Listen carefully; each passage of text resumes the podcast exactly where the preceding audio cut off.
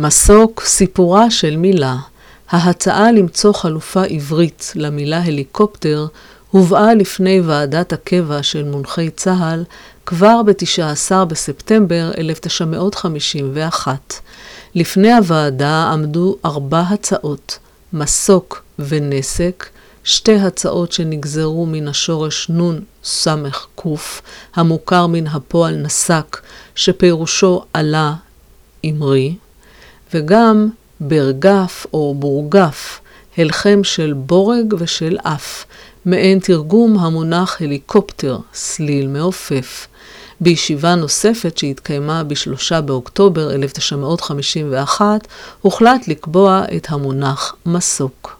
ואולם, המונח שנקבע כבר בראשית שנות ה-50 המתין שנים ארוכות למזלו, ורק בשנות ה-60 המאוחרות הפך לנחלת הכלל. מספרים כי כשביקר הנשיא יצחק בן צבי בבסיס חיל האוויר תל נוף בשנת 1957, אחד המארחים הציע לנשיא לראות את ההליקופטרים שבבסיס.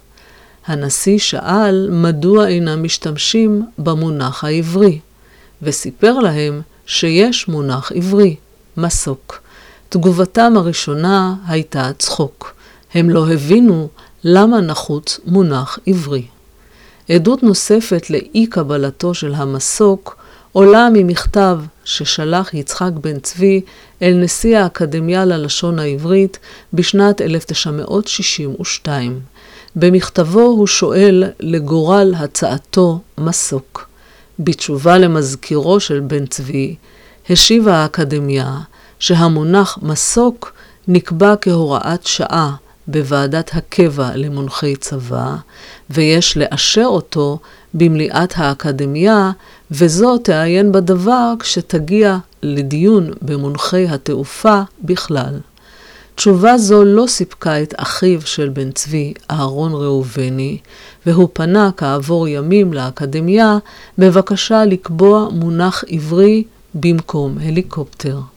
מעורבותו של יצחק בן צבי לאורך כל התקופה בקידום המונח מסוק ומכתבו לאקדמיה בעניין זה מחזקים את הסברה שהוא מחדשה של המילה מסוק והוא שהציעה לצה"ל. נראה כי אחיו של בן צבי, אהרון ראובני, הוא שהציע את המונח נסק, שלא התקבל. שני האחים דחפו את הוועדה למונחי צבא ואת האקדמיה לקבוע חלופה עברית.